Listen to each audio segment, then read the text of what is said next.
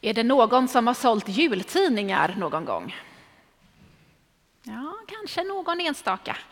Jag minns väldigt tydligt i min barndom när det kom på hösten sådana här tjocka kuvert med reklam för att bli jultidningsförsäljare. Det var kataloger med böcker och det var listor och framför allt så var det bilder på vad man kunde få om man sålde jultidningar. De här premierna. Och det var väldigt coola grejer. Jag tittade mycket på de där sakerna som jag...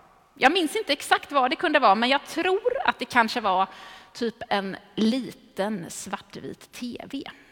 Kanske ett Gameboy-spel eller någon engångskamera. Kanske hade ni idag inte tyckt att det var så coolt. Men när jag var liten på 90-talet, då var det sånt som man ville ha. Verkligen. Ett år så var det väl någon sån här premie som lockade lite särskilt. Jag minns inte vad det var, men jag och min lillebror Christian, vi bestämde oss för att vi ska sälja jultidningar. Så vi gick runt i området där vi bodde och knackade på hos grannarna med kataloger och listor och de fyllde i och beställde böcker från oss. Sen minns jag inte riktigt vad det var som hände. Men jag tror att det kanske var lite krångligt, det här med listorna. De, när de skulle liksom skickas in och så där. Kanske var det att det var krångligt, kanske var det att vi glömde bort det. Jag minns inte. Men listorna blev liggande och skickades aldrig in. Och så plötsligt så kommer vår granne och knacka på och fråga när ska jag få mina böcker som jag beställt av er? Och vi svarade nej, tyvärr, det, det kommer inga böcker. Sen fick mamma höra talas om det här projektet som vi hade dratt igång på eget bevåg och sen slarvat bort. Och mamma skickade ut mig och Christian igen för att knacka på hos alla våra kunder och be om ursäkt för att vi hade ja, tagit upp beställningar som det inte skulle komma någonting av. Be alla kunder om ursäkt och förklara, det blir inga böcker. Det var tur att ingen hade hunnit betala något bara.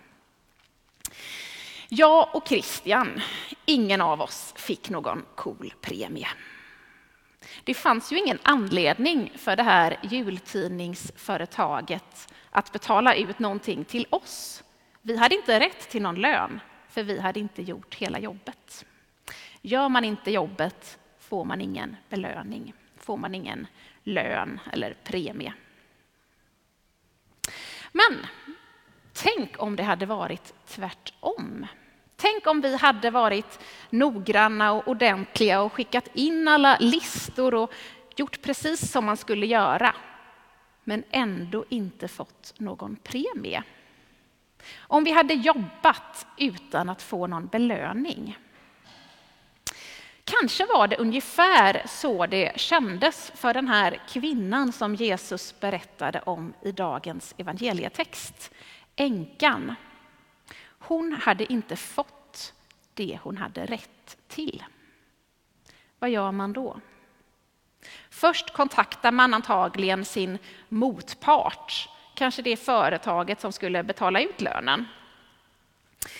Men om det inte hjälper, vad gör man då? Man kanske anmäler den som ska betala ut och att det går till någon domstol eller något. Och det var ungefär så som kvinnan gjorde. Hon gick till en domare som skulle avgöra saken, vem som hade rätt. Men här hade kvinnan otur igen. För det var ingen schysst domare. Han brydde sig inte alls om kvinnan och han brydde sig inte om rättvisa och göra det som är rätt. Men kvinnan, änkan, hon gav inte upp utan hon fortsatte att springa till den här domaren gång på gång och tjata varje dag om att han skulle se till att hon fick ut sin lön, se ut det hon, att hon fick ut det hon hade rätt till. Och till slut så tänkte domaren, jag bryr mig egentligen inte om den här kvinnan. Jag bryr mig egentligen inte om vad som är rätt och att hon har rätt, men jag orkar inte höra henne tjata längre. Så därför får jag väl hjälpa henne då.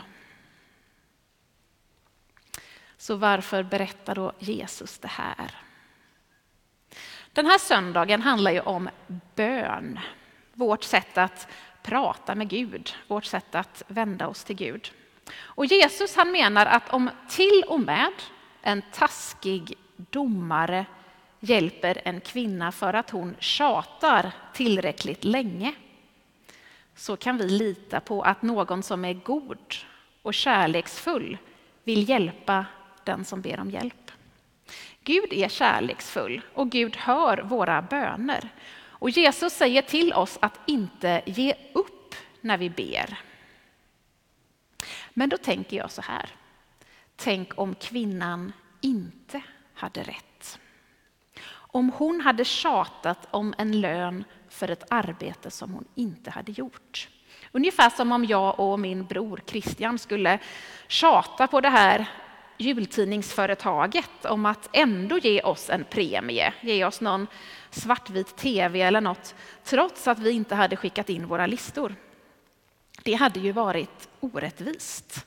Har man inte gjort jobbet så har man ju inte rätt till någon lön och då ska man heller inte tjata om att få den för ett jobb man inte gjort. Men här är det annorlunda med bönen. För när vi ber till Gud så kan vi be om vad som helst. Också sånt som vi inte själva tycker att vi förtjänar eller skulle ha rätt till. Vägen till Gud i bönen, den är alltid öppen. Gud hör alla våra böner oavsett hur vi ber, oavsett var och när vi ber och oavsett vad vi ber om. Sen kanske inte Gud svarar oss på just det sättet som vi hade tänkt eller förväntat oss.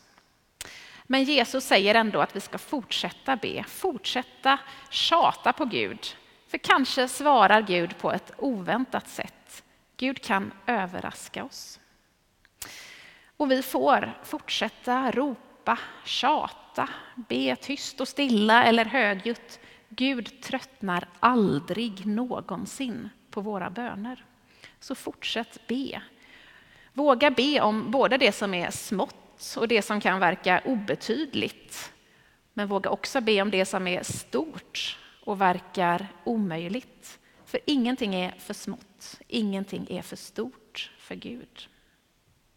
Vi ber. Tack Gud för att vi alltid kan komma till dig med våra böner. För att du alltid lyssnar och är med oss. Amen.